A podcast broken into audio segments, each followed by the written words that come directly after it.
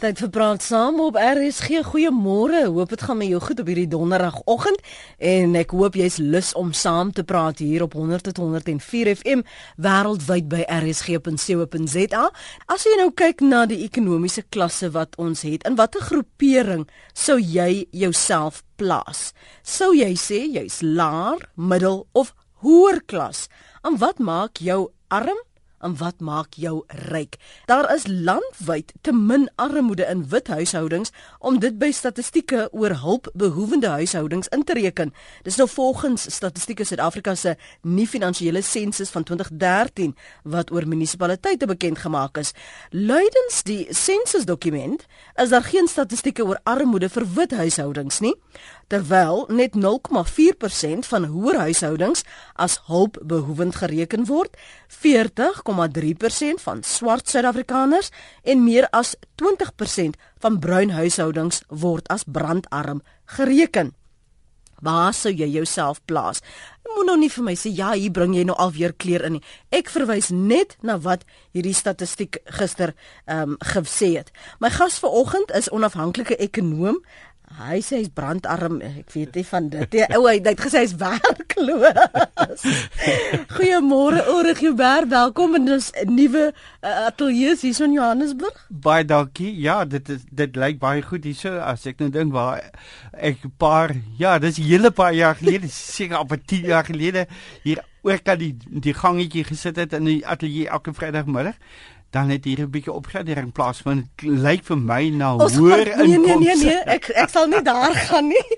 Ek gaan nou regtig nie vir jou sê wat dit waarop dit sin speel nie. Baie dankie dat jy ingekom het. Waardeer dit. Ons gaan later gesels met Leon Lou, uitvoerende hoof van die Vrye Mark Stichting, net vir ons luisteraars geleentheid gee om saam te praat en dit is 'n interessante gesprek rondom waar plaas jy jouself van ja. uh, ons vier het almal gesê dat ons dink ons is laer middel. En ons sou nie reken dat ons dalk ekonomies as jy nou kyk na spesifieke syfers of uh, klasse enigsins hoër klas kon wees nie. Waarom het ons hierdie klasse? Kom ons praat eers daaroor en wat word dan as ekonomies as laer, middel, hoër beskou en wat is dan brandarm?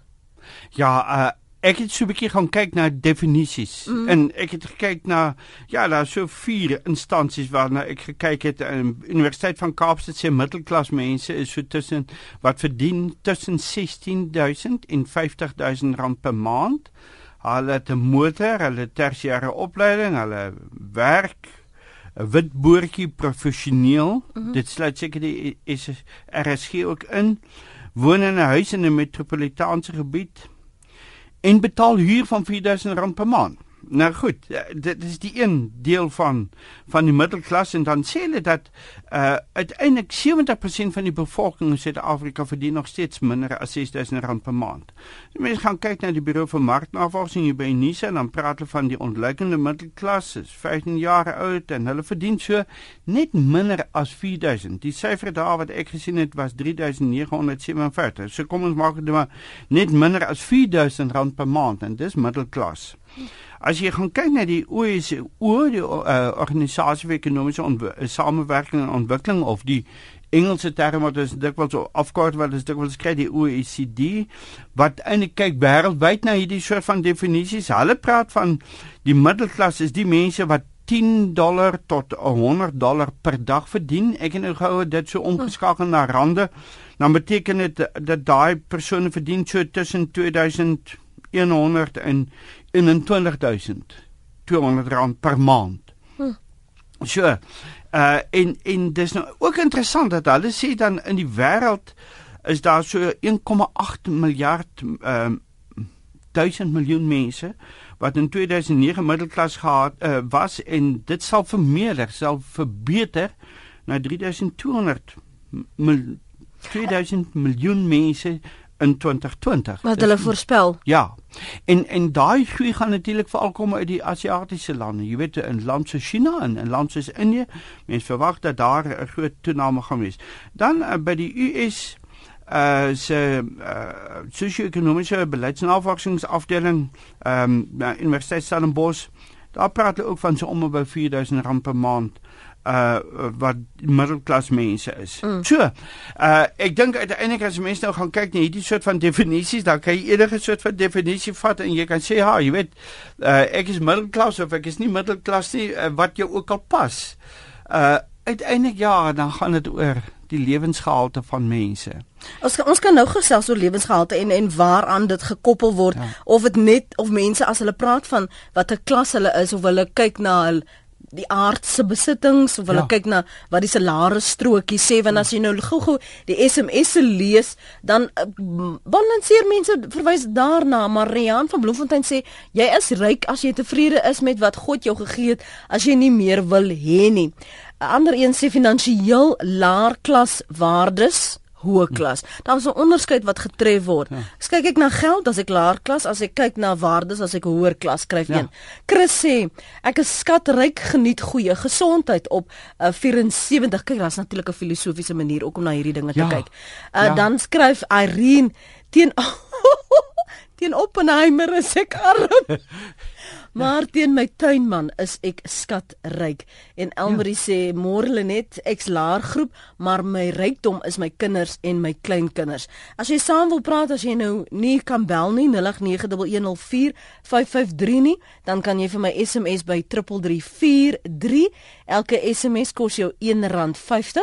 Jy kan ook 'n draai gemaak op ons webblad rsg.co.za of jou SMS wag, plaas die SMS vir jy kan my volgende tweet by Lenet Francis 1. Kom ek loer gou wat jy daar wel skryf op ons um, um webblad. Ek gaan kyk of daar menings is. Andersins kan jy my volg en tweet by Lenet Francis 1 want ek het daar ook die vraag gestel.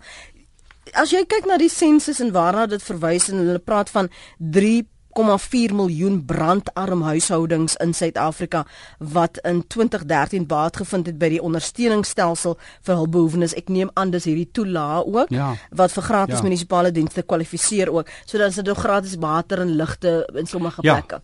So ja. dan dan het is daar soveel 300 3,4 miljoen brandarm huishoudings. Maar wat sou jy as brandarm beskou? Jy weet net as ek nou gaan kyk na wat in Suid-Afrika aan die gang is dan sê ek ja uh, Die brandarm, die regter brandarm persoon is miskien die ou wat hier en en hy met saam met sy gesin of sy en so dikwels dit is sy saam met haar gesin, né? Wat hier in 'n plakkerskamp rondom ons stede of rondom ons dorpe sit. En dan dink ek altyd aan die persoon byvoorbeeld in die Oos-Kaap wat 'n stukkie grond het en hy kan mielies plant en hy kan 'n ehm um, dalk selfs 'n bees aan hom, maar hy kan dalk 'n bok of 'n skaap aan 'n hoender aan wat vir hom eier kan hê. Mm. En dit is totaal anders as die man wat hier in 'n plakkerskamp in die stad sit. Wat nie daai ek wil amper sê voorregheid om 'n mieliepit in die grond te sit en hy kan self die mielie oes nie, want die ou langs dan gaan dalk daai mielie oes. So uiteindelik, as jy mens na hierdie brandarm kyk, uh, ek dink 'n mens moet so versigtig wees ook oor daai soort van klassifikasie en ek dink altyd ook As jy nou gaan kyk, jy weet dan ons praat van tussen 8 en 10 miljoen mense wat uit die res van Afrika hier in Suid-Afrika bly en toevallig het ek gister gery hier in Johannesburg en ek gekyk of eintlik dit was maandag gewees wat ek gery het en dan sien jy ouens wat agter 'n struik slaap in die nag of langs die riviere slaap en hy het nie eens 'n ja, partykeer het hulle sommer net so 'n lap wat lyk dit vir my wat hulle oor hulle trek. Uh en ons weet van die mense wat hier op die sypaadjie slaap, is dit die brandarme mense. Uh maar hoekom is hy hier? Hmm. Is dit omdat die omstandighede of omdat hy glo dat die omstandighede in Suid-Afrika gaan beter wees as waar hy vandaan kom? Soos ek so dikwels sê, die res van Afrika dink dat hier op die Witwatersrand brand die liggies. Dan moet daar welvaart wees. Hmm. En uiteindelik moet mense so versigtig wees dat jy uh agter sulke dinge aankom want baie keer is jou lewensgehalte daar in die platlandse diep platlandse gebiede baie keer beter as om hier in die stad kom sit en jy kry nie werk nie. En dan natuurlik ook wat wat ons nou gesien het uit van hierdie definisies nê Witburgse werkheid, professioneel uit die tersiêre opleiding. Mens kan sien vandag se omstandighede in Suid-Afrika enige wat 'n matrieksertifikaat het en nou wil mense sê matrieksertifikaat wat die moeite werd is want hmm. want ongelukkig dit was die gehalte van ons matrieksertifikate vandag. Maar daai persoon plaas homself, hom of haarself in 'n baie beter posisie as die persoon wat dit nie het nie. Die ongeluk is dat as ons gaan kyk na welvaart in 'n land, dan moet jy ekonomiese groei jy moet in staat wees om binne daai ekonomiese groei werk te skep. En ongelukkig as jy mense gaan kyk na wat op die oomblik in Suid-Afrika aan die gang en ons kyk na die volgende 10 jaar dan sê ons vir besighede om te oorleef gaan van mense ontslaa raak. Sjoe. Want arbeid is so duur.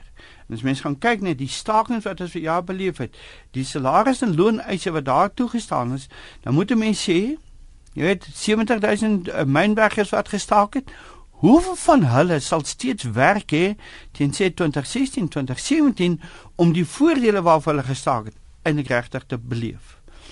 Want maatskappye moet oorleef en en andersins is daar nie werk nie. So so sê jy om om werkskepping te hê, gaan jy ongelukkig op sekere vlakke werksverliese ook moet hê. Ongelukkig gaan die, die ander moet voed. Die, dit is ongelukkig wat op die oomblik aan die gang is in Suid-Afrika. En die die ander uh, aspek weet julle net is as ons gaan kyk na die opleiding. Uh ek dink eintlik ons onderwys en opleiding moet so 'n belangrike rol speel. En uiteindelik ja, vra ons almal vir onsself die vraag af: wat is die kwaliteit van die sertifikaat wat die persoon het wat by jou kom aansoek doen vir werk? Kan jy daai persoon regtig benut om hier by die by RSG regte te kom die die diens lewer wat jy van daai persoon verwag. Mm. En daarom as dit lanktermyn kyk, wil mense sê dat ons soos nie onderwys en opleiding in Suid-Afrika reg kry nie, plaas dit 'n plafon op die langtermyn groeipotensiaal van die land. Ek het terwyl ek nou op pad was hier net gesit en luister na die gesprek rondom die ehm um, internasionale mededingings uh, verslag, nê? Nee? En hoe Suid-Afrika eintlik weer terugsak op daai uh, terrein. Mm -hmm. En dan sê jy maar waar lê die probleme? En dit lê eintlik in ons mensemateriaal. En die hartseer is as jy nou teruggaan na na die situasie wat jy sê, jy weet wat van die plakkerskampe, wat van die ehm um, gebiede rondom ons dorpe en stede. En mense sien in vandag se koerante die berig van die polisie wat nou moet ekstra geld kry om onluste ja. te te hmm. beheer. Hmm. En dan sê jy ja, weet julle net, ek dink ons is almal bekommerd daaroor dat baie van ons jong mense leef in omstandighede waar hy weet hy gaan nooit in sy lewe permanente werk in Suid-Afrika hê nie. En dis dis uiteindelik as jy hierdie uh, uh, aspek van armoede wil aanspreek, mm. dan sê mense maar goed, jy weet uiteindelik moet ons totaal nuut gaan dink oor waar ons ons besig in Suid-Afrika en hoe gaan ons hierdie ekonomie hanteer? Want sonder ekonomiese groei, sonder 'n stelsel waar jy sê maar jy weet dit moet arbeidsvriendelik ook wees. Nie net besigheidsvriendelik nie, maar ook arbeidsvriendelik, want anders dan gaan ons besighede vestig in Suid-Afrika wat dit op die tegnologie staat maak om sy besigheid te dryf. Jy weet byvoorbeeld as mense nou gaan kyk na die landbou wat eintlik tog so 'n belangrike rol speel in ons plattelandse gebiede. Vriend van my wat vir my gesê ja, jy weet, Ulrich, ek het 'n trekker en hy word met die satelliet beheer. Soveel mense het ek nodig om baie meer grond te bewerk as wat ek in die verlede bewerk het. Mm.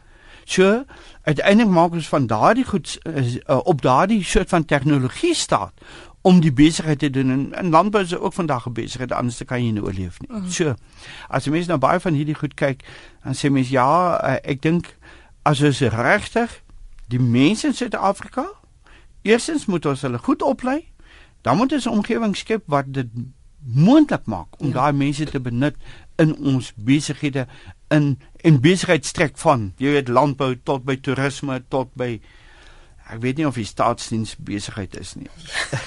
Dis 'n ander vraag vir 'n ander dag, 'n ander praat saam. My gas, 'n uh, onafhanklike ekonom Ulrich Huber wat saamgesels hier vanuit ons Johannesburg se ateljee. Ons praat oor hierdie ekonomiese klasse wat ons klei. Waar sal jy jouself plaas? Waaraan moet jy dan nou armoede 'n uh, meet en koppel? En as jy sê goed, jy miskien het jy vir baie lank dit jouself beskou as laer klas of middelklas want ek het, maar 'n gemeente wat jy vanmôre sê, um, is daar 'n bietjie van 'n kopskuif. Ons ja. gaan nou daaroor praat wat die gesprek wat ons hier gehad het in die ateljee toe ons begin kyk maar hoe bevoorreg ons werklik is. Jy kan saam praat op 0891104553 dalk wil jy kommentaar lewer op 'n uh, Ulrich se inleidende gedagtes tot dusver. Kom ons hoor wat het Dion van Blouberg op die hart. Dion, dankie vir die saamgesels môre. Môre net baie dankie. Ek eh, ek ondersteun al die punte wat Ulrich maak, opleiding ensovoorts. 'n Interessante ding wat ek dink ons baie keer doen is wanneer ons welvaart meet, is dat ons kyk na jy weet ons kyk na inkomste en ons sit onsself in inkomste kategorieë. Mm. Maar ek dink die oplossing vir 'n land soos Suid-Afrika is ons moet die koste van produkte laer kry. Jy weet, ek dink die ouens wat in die mynsektor staak en die ouens wat groter salarisse wil hê, Die rede hoekom hulle staak, hulle kan nie produkte meer bekostig nie. Hulle kan nie daai lewensstandaard bekostig nie. Hulle kan miskien nie kos koop nie ensovoorts. Dit is almal dryf heeltyd hoër inkomste omdat jy net jy wil ten minste net 'n lewensstandaard of 'n kwaliteit van lewe hê. Wat ek in Maleisië vind as ek in Maleisië kom, is dat die koste van dinge doen in Maleisië is waarskynlik weet is is wesentlik goedkoper as by ons. In in een voorbeeld is wanneer ek in Maleisië werk, as ek omtrent so 32 km van my werksplek af om elke dag van my blyplek tot by my werk beweeg en terug huis toe kos my min of meer 4 tot 6 rand 'n dag. Hier in Suid-Afrika bly ek so 32 km van die universiteit af, so is min of meer dieselfde afstand, maar om werk toe te gaan elke dag en terug kos my 84 rand. So en en so kan jy dit nou vergelyk met vleis en kos en koeldrank ensovoorts, jy weet. So ek dink die een ding in Suid-Afrika, die pro die probleem wat ons het, is die koste van produkte is duur. Mm. En die hoofoorsaak daarvan en Ulrich sal miskien nog vir ons meer hieroor kan uitbrei. Die oorsaak daarvan is ons is nie 'n baie produktiewe nasie nie. Mm. Met ander woorde vir die arbeid wat ons die geld wat ons kry, die loon wat ons kry, maak ons nie baie goed nie. As ons meer goed kan maak, as ons meer produktief is, dan vat jy die arbeidskoste jy weet daardie koste wat ons nou betaal word, die salariskoste wat ons betaal word en jy deel dit deur meer produkte, want jy kan mm. ons nou meer produkte verkoop. Dan word die eenheidsprys van produkte baie laer.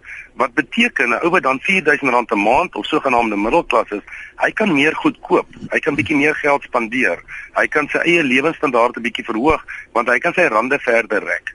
Maar ons ons grootste uitdaging in Suid-Afrika is, nou kan jy vat die die kritiese goed soos krag en brandstof en so aan, dit raak net buitekant die die die die die bekostigingsvermoë mm. van baie mense. Mm. En ek dink byvoorbeeld as ons unies kan kry en ouens soos Ulrich en ekonome en en universiteite ons mekaar leer dat ons met die die koste van produkte afkry, die koste van water koop, die koste van elektrisiteit, die koste van brood afkry, deur meer brood te maak teen dieselfde arbeidskoste, meer platina met die myne uit te haal teen verhoogde loonkoste.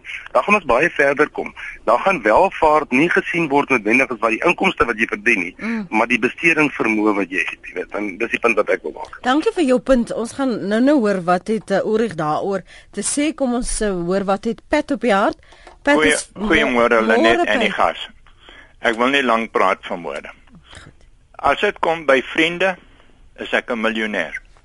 As dit kom by As jy nou, ekskuus, as jy sê vriende, bedoel jy wanneer jy jouself met hulle vergelyk of bedoel jy jou vriende kring? My vriende kring. OK. Wanneer dit kom by gesondheid, is ek amper 'n miljonair. Mm. Wanneer dit kom by besittings, is ek 'n miljonair. Maar wanneer dit kom by geld, beskou ek myself as arm. Hoekom? Want 'n paar jaar terug het ek my neseie in 'n skema ingesit Piekwes. En ek glo daar is mense wat se ore nou sal opspring want daar is duisende duisende mense wat dieselfde lokval geval het. My neseie en ek ken baie mense wat miljoene ingesit het. En toe besluit John Marcus op 'n dag, dis onregverdig, dis onwettig die moet nou vir 5 jaar gevries word. Ek dink die bedrag was 5.4 miljard wat gevries is vir 5 jaar.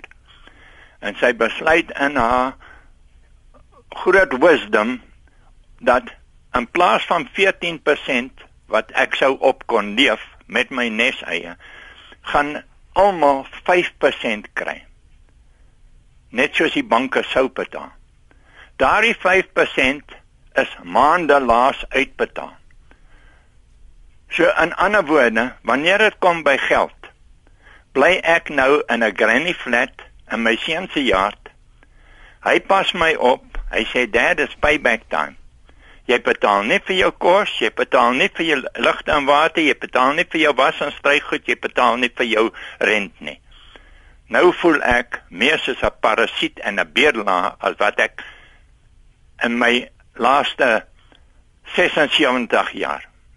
Van die laaste 3 is nou moeilik. Hmm. So dit is die punt wat ek wil maak. Ek is 'n miljonair en ek voel soos 'n miljonair. Mm. Maar ek leef soos 'n arm blank, nie 'n arm blanke maar ek kry 'n klein pensioen van die gaan halfte op 'n mediese fonds wat ek nie nodig het net ingeval iets met my gebeur dat my seun nie my my lewensomkoste moet kan dek nie. Ja, dis al wat ek wil sê. Dankie daarvoor Pat. Kom ek lees gou van julle SMS'e en dan gaan ons verder gesels. My man werk al 9 jaar by dieselfde maatskappy en sy salaris staan botstil op 5500. Ek en hy en ons twee kinders bly by my ouers want dit is onmoontlik om 'n blyplek te kan bekostig. Na al sy aftrekkings kry minder as kry ons minder as R4000 uit. Onder watter klas val ons dan? sê anoniem. Dan skryf nog 'n luisteraar my 16-jarige kleinseun se wysheid is dat jy ryk is as jy meer verdien as wat jy nodig het om van te leef en arm as jy nie genoeg het om van te leef nie. Dan skryf nog 'n luisteraar ook 'n anonieme een sê lyk dit my ek dink hulle het nie die ondersoek goed gedoen nie. Ek bly in Dundee en glo my hier is baie arme mense die kinders gaan skool toe sonder kos, maar ons mense is te skaam om te praat of by die regering te bedel. Hulle moet by die blankes ook kom ondersoek instel, skryf die luisteraar. Bitterbeck sê almal kan oor 18 jaar ryk wees. 'n uh, Staat kan net oor 'n uh, 18 jaar tydperk die kindertoelaag uitfaseer en dan daai geld in tersiêre onderrig belê, skryf uh, Bitterbeck en dan skryf 'n ander een China niemand haweloos nie een slaap en dag werk nag broer klim in dieselfde bed werk teenoorgestelde ure nie een groot salaris nie skryf Jackie. Dis by 3343 dit kos vir Jackie R1.50 so as ek loer by uh, ons webblad rsg.co.za kom ek nou net daarby. Hier skryf uh, Martha ek weet nie wie hierdie statistieke bepaal nie. Dit is definitief iemand wat nog nooit met R4000 per maand probeer oorleef het nie. Probeer eers self met hierdie hoeveelheid geld oorleef en as jy dit self kan doen dan kan jy dit middelklas noem. Betty van der Merwe, ek is 'n Transnet pensionaris wat 1700 per maand verdien en daar is 660 000 ander Transnet uh, pensionarisse in dieselfde boot wat so erf verarm is. Ons val beslis onder die armstes van die armes en is van verskillende rasse. Ek weet my e-pos sal nie gelees word nie. Skande. Betty het ek dit hom aan sopas gelees.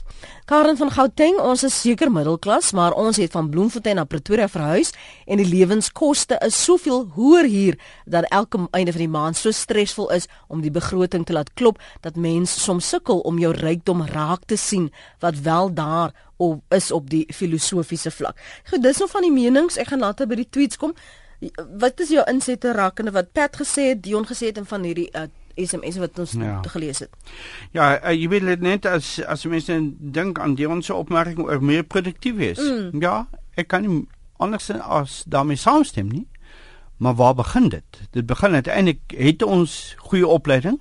En jy weet, ek dink in vandag se omstandighede moet mense ook in Suid-Afrika aanvaar dat as jy mense kry om vir jou te kom werk, moet jy baie dikwels eerstens baie tyd en energie en geld spandeer om die persoon ja, op te lei binne in die spesifieke omgewing waar hy moet kom werk. Uh so ek dink ja, dit dit is so. Uh die ander ding wat mense net altyd ook moet onthou, ja, hy het nou gepraat van Maleisië teenoor Suid-Afrika. Mm. En dit is so. As jy mens gaan kyk na die lone wat byvoorbeeld in Bangladesh in die tekstielbedryf betaal word, En en as mens dit net vergelyk met wat in China betaal word vir daai mense, dan sê mens, jy weet, hoe kan jy ons in Bangladesh op daai geld oorleef?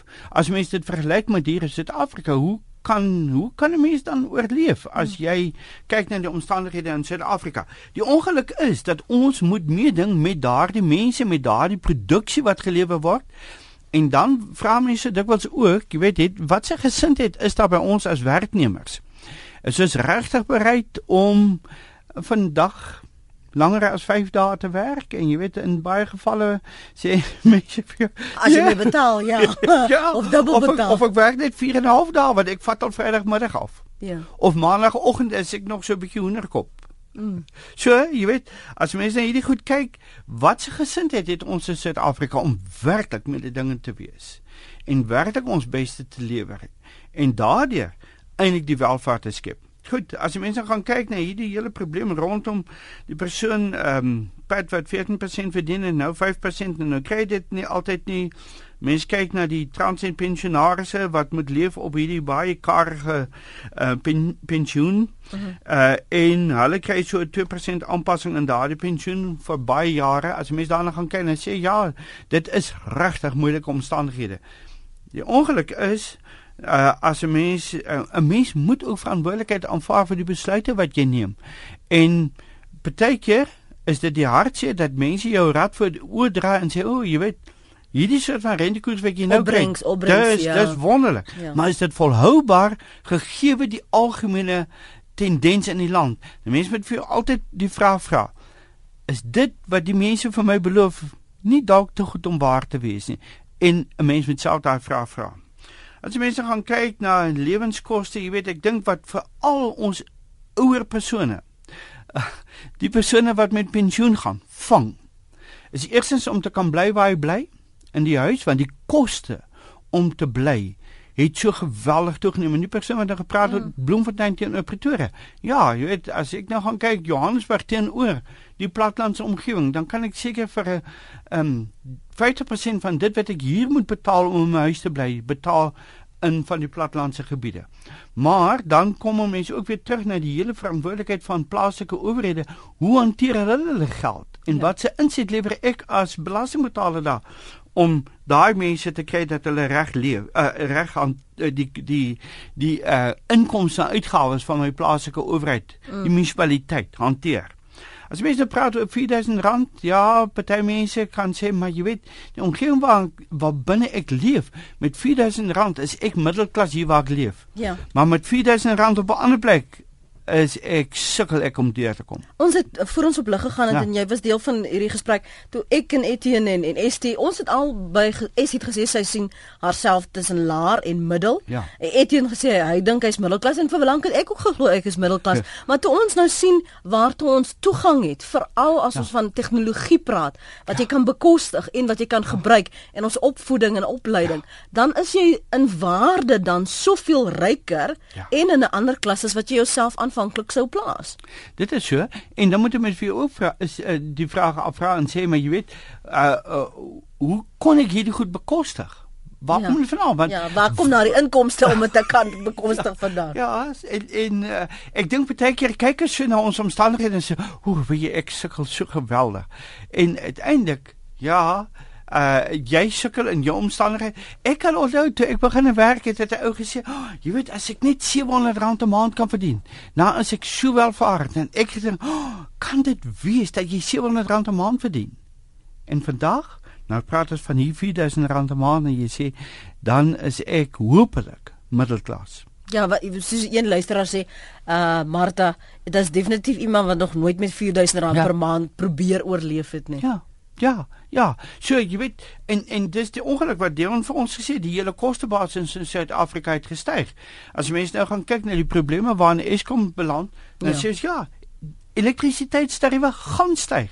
En miskien was dit weens die verkeerde besluite in die in 90 jare toe gesê is Eskom se tariewe mag nou nie styg ja met hoër as die inflasiekoers nie. Nou is dit die ripple effek waarvan. Ja. Kom ons hoor gou wat het Leon Lou te sê. Hy's uitvoerende hoof van die Vrye Mark Stichting Leon is op 'n lughawe. Dankie vir die vergunning voor jy op jou vlug klim dat jy met ons vanoggend kon gesels. Môre Leon. Môre, is lekker om by julle te wees en ek maak hom vir straam verskoning vir agtergrond geraas wat dan miskien kan wees ek staan hier op 'n in 'n tou op op 'n vlug te te boot te gaan. Ja. Maar ja, eh uh, so as daar agtergrond agtergrond geraas is, moet maak vir ons ons, ons vergewe jou, moenie baie bekommer wees nie. Adleon as jy praat oor oor probleme wat die armes en die middelklas in die gesig staar, hoe sou jy dit vanoggend opsom?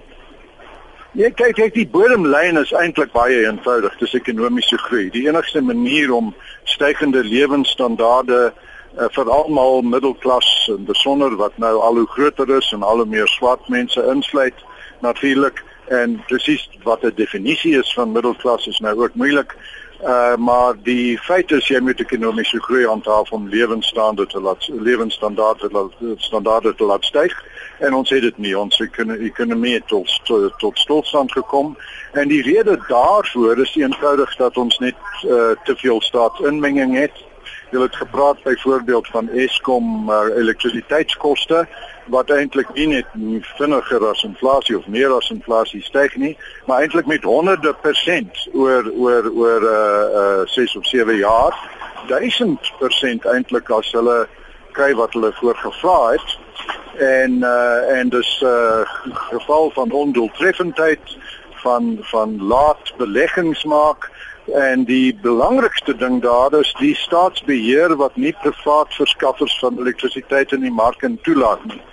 Dis eintlik die probleem met elektrisiteit en met plaaslike owerheid byvoorbeeld eh, was daar in die beginjare na 94 uh liberalisering van die mark en en privatisering van dienste wat doeltreffendheid gebring het saam met ekonomiese groei maar nou het ons eintlik die teenoorgestelde 'n toename in staatsbeheer en belasting wat wêreldwyd insluitende in Suid-Afrika net eenvoudig ekonomiese groei uh uh vir vir verhoed. Mm. Ons word so dikwels dat hierdie gaping al hoe groter word.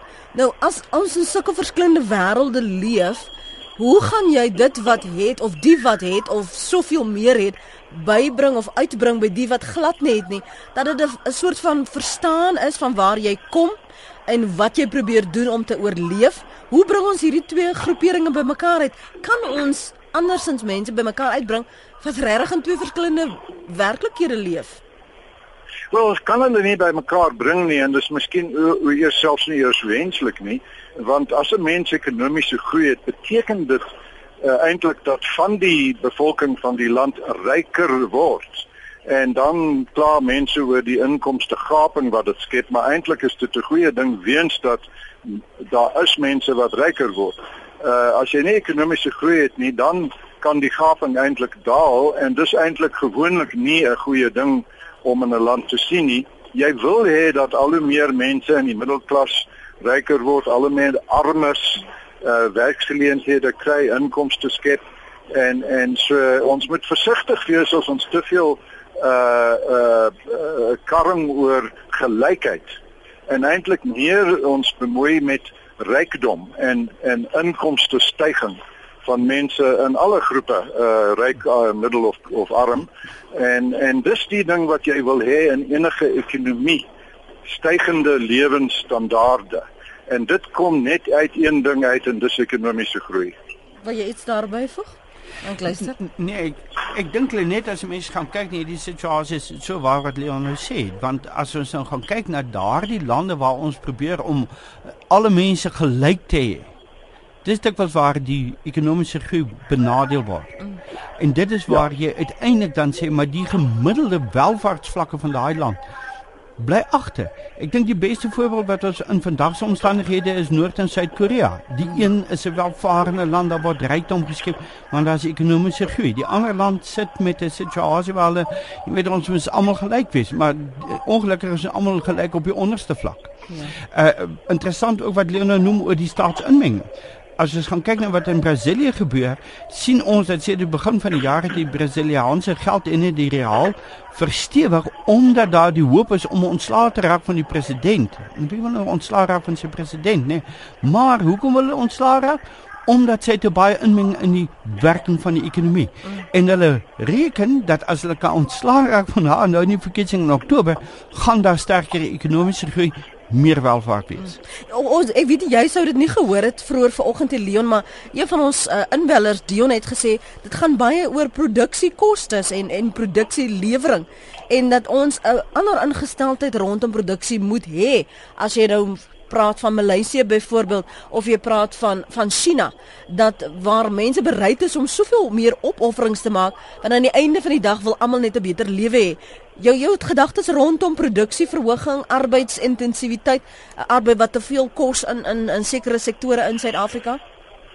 Ja, dis eintlik vir die hand liggend as jy meer uh as jy ryker wil wees, moet jy die gaping tussen produksiekoste en waarde uh laat laat toeneem. Ja. Dit wil sê jy moet altyd 'n uh, doeltreffende produksieproses hê, goedkoper produksieproses en en die lande wat vlakke van ekonomiese groei geniet is wel lande wat dit reg kry.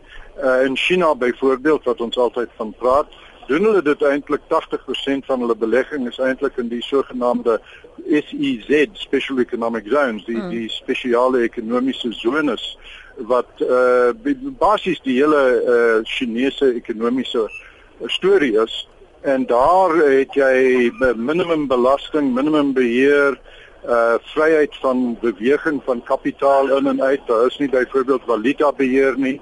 Uh daar is uh uh um, baie minimale uh, ekonomiese regulering en en hulle is seker maar daai ekonomiese sones die vryste ekonomieë in die wêreld en as gevolg daarvan die laagste produksiekoste in die wêreld en dis eintlik wat die hele uh Chinese revolusie verduidelik en en en, en hoekom dit plaasvind. Kom ons ek moet nou ongelukkig ja, my vlug hier aan boord gaan. Ja. So julle moet sal my verskoon maar lekker om by julle te gewees het. Baie baie dankie vir jou moeite en 'n veilige vlug vir jou. Dis 'n Leon Lou. Hy is uitvoerende hoof van die Vrye Mark Stichting. Ons het daarom geslaag om net vir 'n oomblik met hom te gesels. Baie dankie daarvoor Philip. Jou gedagtes môre, praat saam.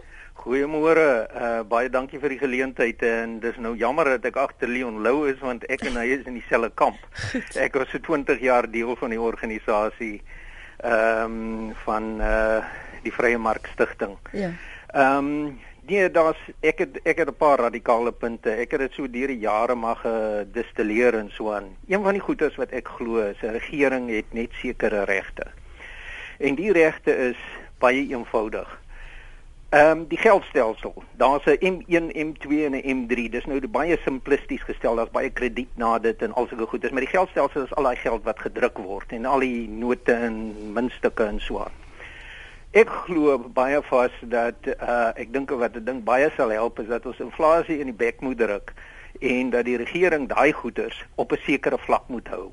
En dis nie 'n vlak wat sê daar's net soveel geld nie, dis soveel geld per kop dan dan druk jy soveel as ons nou as ons uh uh hoeveelheid mense in die land groei, dan druk jy meer van die geld, maar dit bly soveel per kop. Want wat dit doen as die mense die kans kry om sy geld onder sy matras te sit en te spaar en hy vat hom nie na 'n bank toe as noodwendig nie, mm. dan sal hy spaar vir homself om sy eie lewe beter te maak en sy eie keuses te maak. Die tweede ding wat ek glo moet uh gebeur is dat klein besighede ehm um, moet uh, absoluut sonder wette bedryf word. Jy kan 'n 'n 'n minimumloon hê en sê mense dis waar ons moet wees. Hmm. Maar 'n minimumloon sê dit vir 'n dag. En as 'n ou net vir 'n halwe dag wil werk en iemand is bereid om hom te vat vir 'n halwe dag teen wat ook al die minimumloon is, dan is dit reg. Dan gee jy want die meeste werk wat geskep word in 'n in enige samelewing is die een man wat bereid is om 'n besigheidjie te begin en hy huur van 1 tot 10 mense. En hy skep meer werk as wat enige regering kan doen, want die goedkoopste wat 'n regering 'n job in 'n plek kan sit, is 'n 100 000 'n jaar wat dit gaan kos. En iemand anders kan iemand aan 'n lewe hou vir 25 000 'n jaar. Mm. Die derde en laaste punt is 'n referendumstelsel. Ons moet wat soos die harde kop sosialiste en kommuniste sê we must have a dictatorship of the proletariat. En die proletariat is enige iemand wat 'n stem het. As ons as mense die reg het om 100 000 stemme te kollekteer met jou ID-nommer, dan dring jy 'n referendum af. Dan was Zuma al baie lank al uit sy posisie uit. Philip, jy het gesê Ek het radikale standpunte. Jy het vir my nou gedeel. Dankie vir die saamgesels vanoggend. Dis Philip Buyse was uh, lank gelede ook deel van die Vrye Mark Stichting. Wat sê jy van van Philip se radikale idees? Ja, dit is so dat ons altyd sê dat die klein sake ondernemings uh, is die ouens wat die werk skep. Uh maar jy die groot ekonomie nodig waar 'n klein sake uh, lui kan oorleef anders te aanbied verkoop hulle. Mm. Uh so ongelukkig ek dink in enige ekonomiese stelsel het jy maar die groot en die klein besighede. Ehm um, as ek net dink van die geld wat hulle betras hou, jy weet dit ek het aan die einde van verlede die ervaring gehad dat die dame wat nou by ons werk sê dit 1996 mm. en sy werk op die oomblik nou maar so 2 dae vir my uh per week maar sy het na vore gekom met 31000 rand onder 'n matras. Ek het amper amper oorval gehad. Ek het vir haar gesê onmiddellik met dit in die bank gaan want ek kan nie daai risiko loop nie. Nou goed, as ek geweet het sy het gespaar het, ek dalk baie geld geleen. maar goed. Maar uiteindelik in Suid-Afrika se omstandighede nou ongelukkig jy weet uh, as mense nou hierdie onsekerheid het wat mm. geskep is na African Bank se ja, in instorting ja. dan raak mense weer bekommerd maar uiteindelik ek dink 'n uh, uh, mens moet tog altyd hierdie geld ook laat werk vir jou. Jy jy kan nie dit net onder 'n matras hou nie. So, uh maar geld bly die olie van enige uh, enige ekonomie. Daarsonder kan ons nie werk nie. Hou net so vas ja? daai gedagte van jy moet die geld vir jou laat werk. Ek dink ons volgende inbeller Lieselot wil daarna verwys. As ek reg, dat 'n mens jou geld vir jou moet laat werk. Hallo, hallo, nie toe gaan dit met jou. Goed, dankie en welkom. Ons weer goed om jou te hoor. jy ek raak bekend, ek raak nou bang. Ja, weet jy, geld is belangrik, maar weet jy as 'n mens dit het hier dan weet jy dan dan struggle 'n mens en uh, mense is so maklik ja, R4000, R5000, R25000 en hulle kom nie daarmee uit nie, maar ek moet uitkom met R1350 'n maand. Dis waarmee ek moet uitkom. Mm. En ek moet alles koop en ek moet alles ek moet uh my musiekboeke koop, ek moet my ag you name it. Jy weet wat is nie belangrik vir 'n vrou nie en en en mense praat baie maklik van ehm um, ja, dit is dit is weet geld, wat is geld nou eintlik? Maar hulle besef nie dat daar mense is wat regtig wat regtig swaar kry nie, wat regtig sukkel en wat regtig ehm um, nie weet wat om te doen nie, want want geld is 'n probleem en en as hulle praat van 4 of 5000 rand 'n maand, dit is dit is ehm um, jy weet dan wonder mense, okay, waar waar lê die probleem by my of lê dit by hulle? Want hmm um, dit is vir hulle so maklik om te sê, ag jy weet ek verdien dit en dit en dit en dan dink jy, okay, ek verdien dit. Um, en ek moet daarmee uitkom en ek kom daarmee uit. Dit is nie vir my probleem nie. Ek kom daarmee uit. Maar dit is net uh jy weet mense vat dit as uh, ek gaan dit in Engels sê, people take everything as for granted. Ja, vanselfsprekend. Jy weet hulle hulle mm. vat dit as jy weet ek moet dit nou verdien. Ek het al het hy nie 'n graad of 'n diploma of 'n whatever agter sy naam nie. Vir ek soek soveel geld. Ja, ja, en hy hy wil dit nou hê. Al het hy dit nie, hy wil dit nou hê al kon dit hom nie toe nie. Ja. En dit is wat vir my so kwaad maak. Ek het ek het diplomas en ek het alles wat agter my tel, ja. maar omdat omdat ek nie ek het al die ondervinding, alles wat daarmee saamgaan maar ehm um, die mense sê net nie ek is 'n uh, hulle verskoning is ek is oorgekwalifiseer. Goed. Dis waar ek dit ongelaat ongelukkig moet laat Lieselot kom ons hoor wat sy anoniem skryf. Ons bly en werk in die buiteland in die Midde-Ooste. Hoe uh, hier werk my man 6 dae 'n week, baie dae 12 ure per dag. Dit is die norm want expats kom hierheen om te werk en nie te speel nie. Maar hy skep vir ons welvaart en dra die kinders in Suid-Afrika want hulle sukkel om elke maand te oorleef.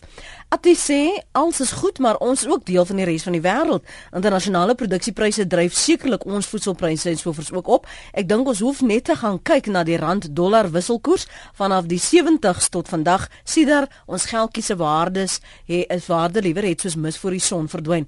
Gaan soek die probleem hier. Waar is die datum mens R2 vir 'n dollar gekry het, sê hy. As ek na die tweets kyk, uh, Anne Marie tweet middelklas, maar asseblief tog moenie jou finansiële situasie deur middel van godsdiens regverdig nie. Henry Smit, laer as laerklas, werkloos, voormalige supervisor, HR diploma met PDP code 10, soek na werk, lewer geen inkomste. Karen Prinsloo tweet, ek is 'n pensionaris, so ek val onder armoede. Ehm um, Abel van der Merwe, ek neig om my in 'n klas te plaas waar ek nie hoort nie, maar die risiko is hoog. Marnus beeld breed liewer met my geskeurde jeans, my high-tech tekkies en my Power Rangers T-shirt, dis ek die held van die middelklas. Uh, Marnus se tweet daar nie. Loot van Skalkwyk tweet goeiemôre Lenet. Daar's so baie arme mense, maar volgens eh, Pali Legosla is blankes nie arm nie. Ons is te min om gereken te word. Lazel Bondhuisen tweet: "Meet jouself aan jou uitgawes, nie jou inkomste nie. Jy kan R50000 verdien en skuld hê en steeds lewe soos om R2000 te verdien." En Freddie Prins tweet: "Die groot baas wil hê te veel wins maak, dis hoekom produkte al duurder word en daar altyd swaar kry sal wees. So 'n laaste mening van jou kant voor ek jou vanmôre groet hier in die RSG ateljee. Ek dink eh, die een opmerking wat by my bly is as ons genoeg het om te leef. Hmm. Dan uh, as ek op 1300 rand kan kan oorleef nê nee, dan sê ek ja goed dan is ek eintlik goed daarin toe. Daar is ander mense wat uh, wat baie minder het as dit uh, maar goed ek dink uiteindelik kom ons terug by daai punt waar elkeen van ons die sy eie verantwoordelikheid moet neem. En ons moet verantwoordelikheid neem vir dit die omstandighede waarbinne ons leef en hoe ons leef. Uh, ek dink vir die land as sodanig ja uh, wat Leon daar gesê die inmenging van die staat ek dink dit beperk die groei want uiteindelik sê ons in die langtermyn moet ons ekonomiese groei wat kan ja welvaart skep en hierdie verskil tussen ryk en arm sal daar altyd wees en eintlik is dit goed want hierdie ryk mense met die welvaart is dit eintlik ook die mense wat die welvaart kan skep vir ons gewone ouens wat nie daai vermoëns het aanvanklik nie. So en ehm um, uiteindelik dink ek Ja, omstandighede is baie baie moeilik, maar 'n mens moet ook bewus wees van die geleenthede wat daar is vir jou om jouself te verbeter, jou posisie te verbeter en ook deur harde werk. Want ons praat so maklik in Suid-Afrika van gratis dienste, gratis. As mense nou dink aan hierdie oorsig, nê, wat nou die statistiek Suid-Afrika uitgebring het, gratis. Daar bestaan nie so iets soos gratis nie. Iemand betaal, betaal. daarvoor. Ja. Ulrich, baie dankie vir jou tyd vanoggend, onafhanklike ekonom Ulrich Huber wat uh, gesels het en ja, ek moet nou erken, ek is dan nou nie middelklas soos ek gedink het nie. Dankie daarvoor. Yswater oor my gesig.